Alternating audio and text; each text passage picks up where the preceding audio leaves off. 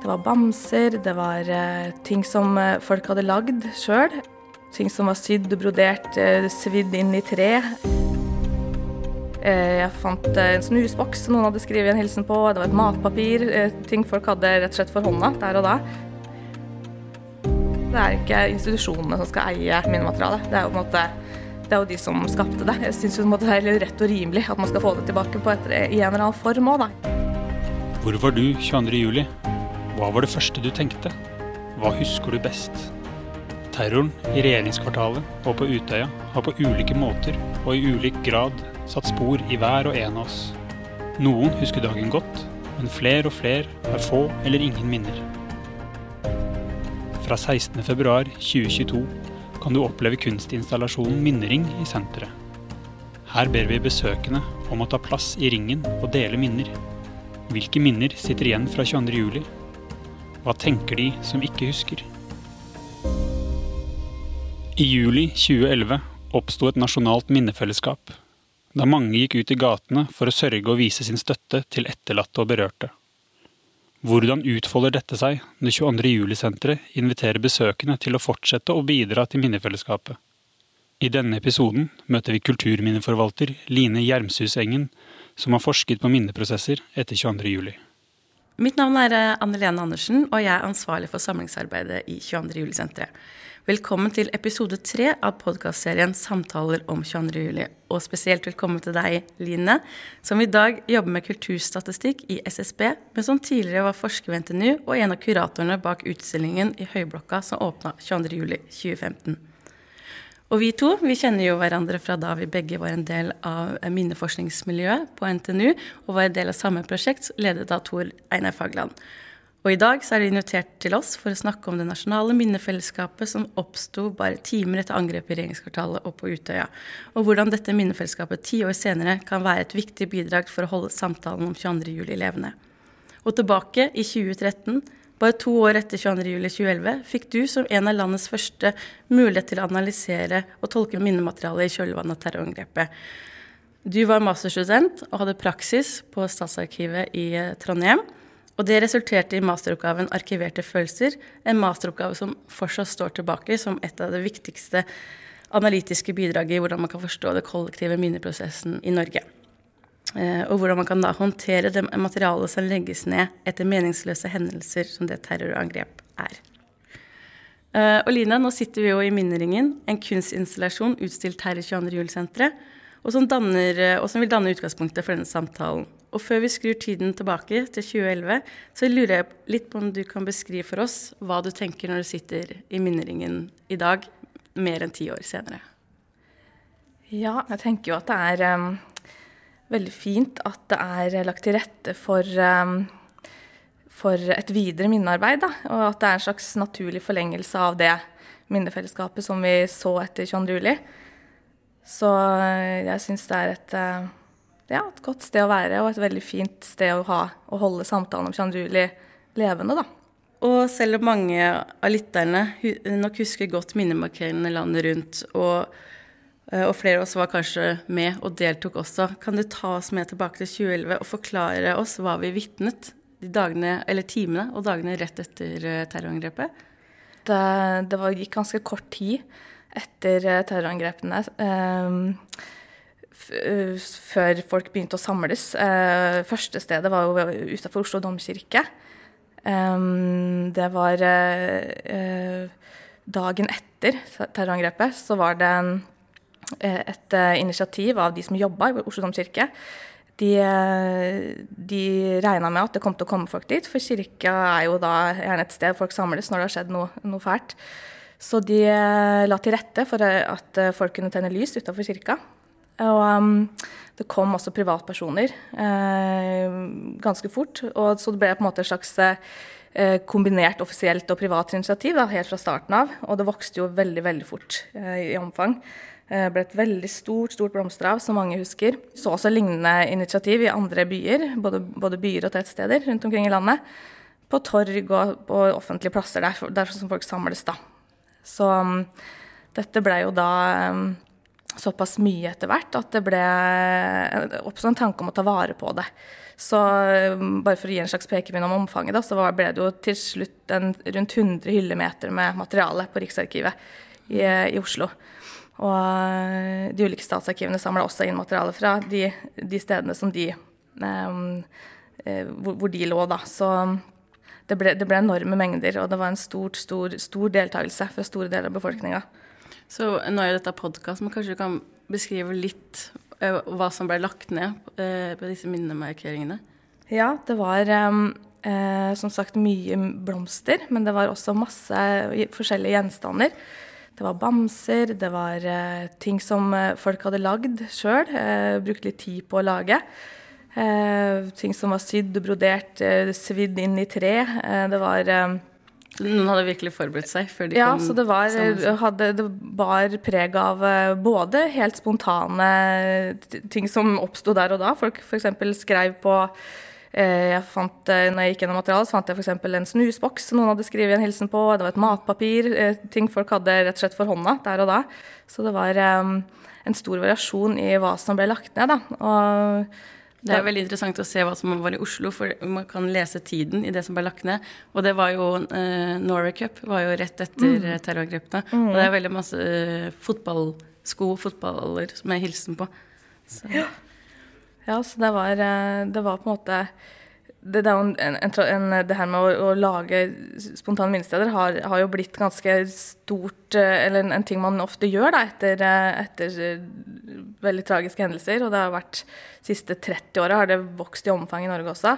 Så det er um, det er jo blitt en slags eh, Og gjennom sosiale medier, gjennom mm, stor dekning i, mediene generelt, massemediene, så har det utvikla seg en slags mal for hva man tar med til sånne steder. Da. Så det, det er jo en sånn eh, Eh, du ser at det er en del likhetstrekk da, i hva folk bringer med seg, men samtidig er det også veldig mye personlige ting som tas med. og veldig sånn, eh, Det er tydelig at folk har lyst til å bidra med noe som er eh, rett fra si, hjertet, da, eller fra noe veldig personlig, også i tillegg til den litt sånn de tradisjonelle tinga si, som man bærer, ofte tar med seg. Tilbake i 2013 innledningsvis så sa jeg at du er jo en av de første som har sett og analysert dette materialet. Kan du beskrive hva som gjorde sterkest inntrykk på deg når du så gjennom det for første gang? Det som jeg kanskje ble mest sånn berørt av, det var jo alle de hilsenene fra barn. For det, barn har en egen måte å uttrykke sorg på og uttrykke redsel på. Som, det, var veldig sterkt å se de barnetegningene som, som lå i, i de arkivboksene da, som jeg gikk gjennom. Og det var veldig Um, og hilsenene, som var veldig sånn korte og veldig sånn på barns måte. da, Som var veldig sånn, eh, traff veldig rett i, i hjertet. Og så var det det at eh, det var mye av materialet som var veldig prega av vær og vind. at var, Du så at det hadde ligget ute i regnvær. og det, det, De som husker 22. juli, husker hvor forferdelig vær det var de dagene. Eh, den dagen det skjedde, og dagen etterpå. Og det er også veldig sånn Jeg syns det også var veldig sånn sterk sterkt symbolsk, da, at det var så så prega av det regnværet da, som var, mm. var den tida. Og det, det, har jo også arkivene prøvd å ivareta den autentisiteten da, som den eh, værpåvirkninga eh, ga. da. Så det syns jeg også var veldig sånn Man ble bokstavelig talt litt sånn møkkete på hendene av å ta på det, på en måte. Mm. Og, og, det som nevnte i stad, at folk bare rett og slett tok skrev noe på noe de hadde på seg, eller hadde med seg. Eh, at det var veldig sånn, veldig spontant. da. Eh, så de, sånn som den snusboksen og sånn, det også var veldig sånn Ja, det syns jeg var litt sterkt å se. Men hva tenker du det de legger ned? Eh, hva tenker du det sier om folks behov for å dele minner og tanker om 22.07? Ja, det er jo tydelig at det er et sånn veldig veldig behov for å komme sammen når noe sånn har skjedd. da, og jeg tenker at I Oslo så var det jo det var jo sånn at på kvelden den 22. juli så var det jo ikke lov å gå ut i gatene. Det var jo forbud mot å bevege seg i byen, i byrommet. Så jeg tror at det var en veldig sånn sterk symbolsk eller jeg tenker at det var en sterk symbolsk handling det også å ta gatene tilbake dagen etterpå uh, fylle på en måte det tomrommet med veldig veldig kraftfull tilstedeværelse. Med både ja, folk og gjenstander. At nå skal vi på en måte ta tilbake det som ble tatt fra oss. Da. Så det er en sånn veldig sånn sterk kollektiv uh, sånn forhandlingssituasjon hvor man prøver å finne ut hva som egentlig har skjedd. Hva betyr det her for oss? Hva er det, vi, hva er det som har blitt ramma? Hva er det vi vil ta tilbake? Hva er det som Det er en slags måte å finne ut Eller prøve å forstå da, hva som har skjedd, og hva det betyr for oss.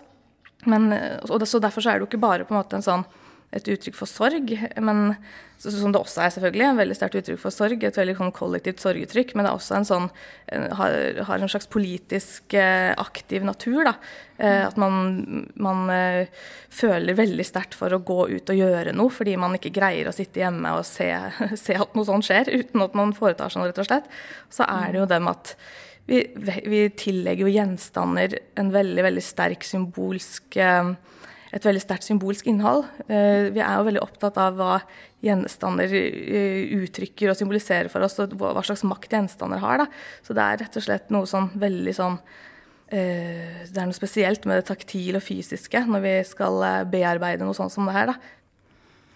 Ja, og det, når 22. julesenteret åpna i Høyblokka i 2015, og nå er vi jo lokalisert her i Teatergata 10 i Oslo i midlertidige lokaler, så opplevde jo helt siden de besøkende kom på åpningsdagen, at de hadde veldig behov for å snakke med oss og legge igjen fortellinger, skrive i gjestebøkene. Og ikke minst, de ga veldig uttrykk for at uh, de hadde behov for å se igjen materialet etter, uh, etter 22. juli. Og da vi åpna her i Teatergata 10, så tok vi den erfaringen med oss. Og her, her i utstillingen så har vi noen, noen veldig få, eh, selvfølgelig, av det store omfanget, gjenstander utstilt. Og hva tenker du Eh, det betyr eh, mer enn ti år etter at, eh, at man kan se den minneaktiviteten tilbake da, men også den minneaktiviteten som skjer i dag. For generasjoner som kanskje ikke husker. Ja, det er jo det der som jeg var inne på med at det fysiske vitnesbyrdet er jo veldig viktig for, å, for folk når man skal prøve å forstå en fortidig hendelse. Da. Det er jo et slags eh, fysisk bindeledd mellom det som skjedde og, og, og nåtida. En veldig sånn taktil, eh, fysisk eh, Et slags bevis da, på at noe faktisk har skjedd. At ikke, det, det, er jo noe som gjør at det ikke 22. juli blir så abstrakt for de som ikke opplevde det sjøl. Sånn at det Jeg tror det, er, det har en veldig sånn En sterk formidlingskraft da, i seg ved at det er Eh, ja, på, på, sett og vis er det slags uh, emosjonelle nøkler da, til det som vi opplevde den gangen. Og det er jo derfor vi har bestemt oss for å verdsette det på den måten vi har gjort også, da, med å ta mm. det inn i arkivene. Eh, og på den måten omdefinere det til kulturarv, da, rett og slett. At det er, vi har valgt å, å sette den type verdimerking på det. Um, og øh, har bestemt oss for at det her er, er, såpass viktig for oss at det ønsker vi å ta med oss videre eh, i, i, historien eh, om, om, det som skjedde. Eh, 22. julesenteret er som kjent et eh, minne- og læringssenter. Eh, og vi var jo så vidt inne på det i stad, men jeg vil bare fortelle oss eh, lytterne også at eh, i våre lokaler både i Høyblokka og her i Teatergata 10 så har vi et eget minnerom. Man kan trekke seg tilbake med portretter av de som omkom, og man kan eh, skrive hilsen om man ønsker det. vi har også en markeringsutstilling som inviterer de besøkende til å fortelle dem hva 22. juli betyr for dem ti år etter. Og så ikke minst den installasjonen vi nå sitter i, inviterer også til å snakke sammen om betydningen. Eh, og hva tenker du, Line, om det å ha minneord, tegne, barn, eh, tegne tegninger for barn, den interaktiviteten, hvilke betydninger det har å minnes ti år etter? Eh, jo, jeg tenker at det fortsatt er veldig viktig, fordi det er jo eh, 22. juli-senteret er jo et sted hvor man skal, kan komme for å lære om 22. juli, hva som skjedde, og det er jo veldig veldig viktig. For det er mange som ikke ikke opplevd den dagen, eller som, eh, som gjerne vil lære mer om hva som skjedde. Og, men så tror jeg at det, man kommer ikke unna minneaspektet uansett. Det kan ikke bare være et eh, sted for eh, ren informasjon og kunnskap. fordi det, jeg tror ingen som hører om 22. juli eller opplevde 22. juli, eh, er uberørt av de, de, historiene man får høre. Jeg tror det er en måte å bearbeide de inntrykka man, eh, man, får. Og, og, jeg tror også de som aldri har noensinne hørt om John Rulli, når de får høre den historien, så det er ikke, det er ikke jeg, jeg vil se på det som ganske sånn naturlig at, man, at mange vil ha behov for å eh, sette ord på de inntrykka da, som er såpass sterke og såpass, eh, som berører alle, og som egentlig angår alle. Så det, det å fortsette å minnes og fortsette å, å, å, bearbeide på ulike måter, det tror jeg er veldig viktig om å gå veldig hånd i hånd med den, med den eh, informasjonsbiten. Da. At man, man, lærer om det, men også at man, at man kan komme sammen og, og ja, rett og slett bearbeide det som er skikkelig, skikkelig tøft med det òg. Kan du tenke, tenke, deg om det er noen forskjeller i det materialet, eller det minne, eh, minneaktiviteten man gjør i dag, enn det vi, vi, så i 2011? Jeg kan kanskje tenke meg at det, vi ser litt mer av um, um, refleksjoner rundt årsakssammenhengene og det politiske aspektet ved det som skjedde. fordi i starten så var det ganske i bakgrunnen. Eh, det viktigste da var jo rett og slett å å komme sammen eh, og eh, bearbeide og rett og slett være i sorg sammen. Men, eh, og det var ikke så stor plass for i hvert fall ikke for gjerningsmannen. Han var veldig i bakgrunnen. I minnematerialet så ser man knapt noen referanser til han i det hele tatt. Så det var ikke på noen måte fokus i, i, i starten, da. og det er naturlig. Vi ser jo det i andre land òg, når det har blitt laga Eh, utstillinger basert på minnemateriale. Ganske sånn tidlig etter en eh, sånn type hendelse så har man eh, berørt årsakssammenhengene i veldig liten grad. Man har lagt til rette for stille refleksjon, for sorg, for bearbeiding, og gitt på en måte publikum en veldig definisjonsmakt over det som har blitt vist fram. Da. Mm. Um, uten å forklare, uten å tilby forklar ja, forklarende perspektiver, uten å tilby så veldig mye historisk kontekst. Fordi det har man sett på som litt ja, rett og slett litt upassende, litt uverdig, helt i mm. starten. Um, så det, det, er ganske sånn, et sånn kjennetegn da, ved mm. hvordan man behandler sånn type temaer i andre, sånn som i USA, da, f.eks. etter 11.9. Mm. Ja, og vi ser jo det her også. I, uh... Ja, så jeg vil tro at det, det er um, når det, det, folk legger igjen av minneuttrykk nå, da, vil mm. kanskje i større grad Eh, rette seg mot uh, hvordan vi kan forhindre at det her skjer igjen. Hva er det som har ført det til Hva var det som leda fram til en sånn type hendelse som 22. juli? At vi må, vi må, ha med oss det, det som gjør vondt uh, på den, det området også. Hva, hva, er det som gjør at det kan oppstå noe sånn i vårt samfunn? Ja, og nå var du jo inne på um, et spørsmål som jeg også har lyst til å spørre deg. Og du har jo snakka om det her med arkiv, og 22. juli-senteret gjør jo også noe det samme. Det er flere institusjoner som har samla inn eh, minnematerial og andre material og gjenstandstyper etter 22. Eh, juli. Eh, likevel så ser man jo at det ikke er så mange som formidler. Med tiden så blir det flere og flere. Men likevel, det er ikke så mange av disse institusjonene som velger å vise frem. Og hva tenker du kan være en av grunnene til, eh, til at, eh, at, de ikke gjør det? Og, og, hva tenker du er viktig? Hvorfor er det viktig å formidle selv om det gjør vondt? Ja, jeg, når jeg skrev oppgaven min, det var bare to år etterpå, og da var det kjempevanskelig.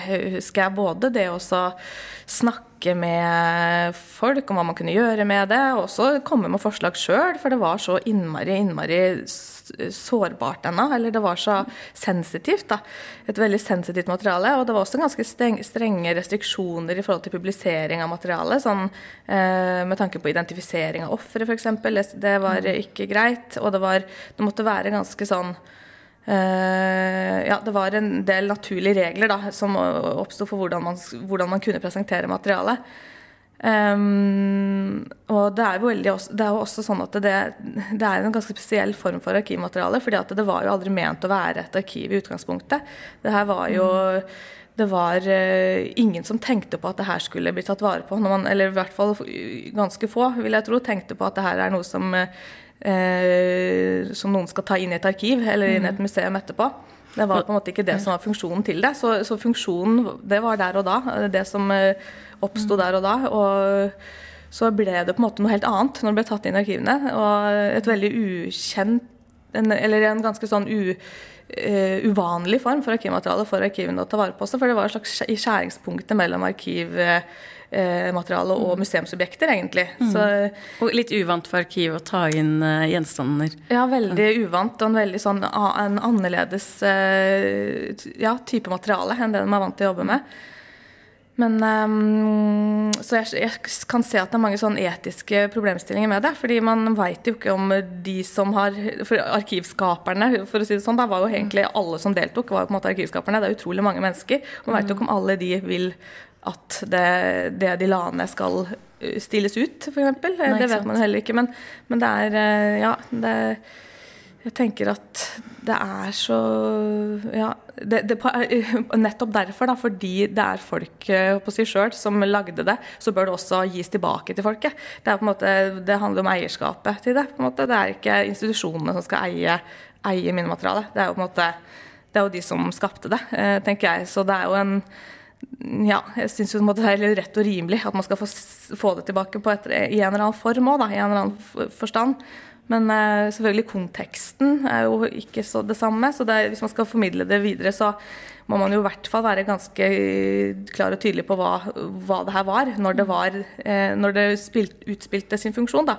At man har dokumentasjon i form av bilder, hvordan det så ut når det var den der veldig store eh, kommunikative helheten da, som eh, det utgjorde når det var samla, sånn som det framsto sånn, da, da, det var spontane minnesteder.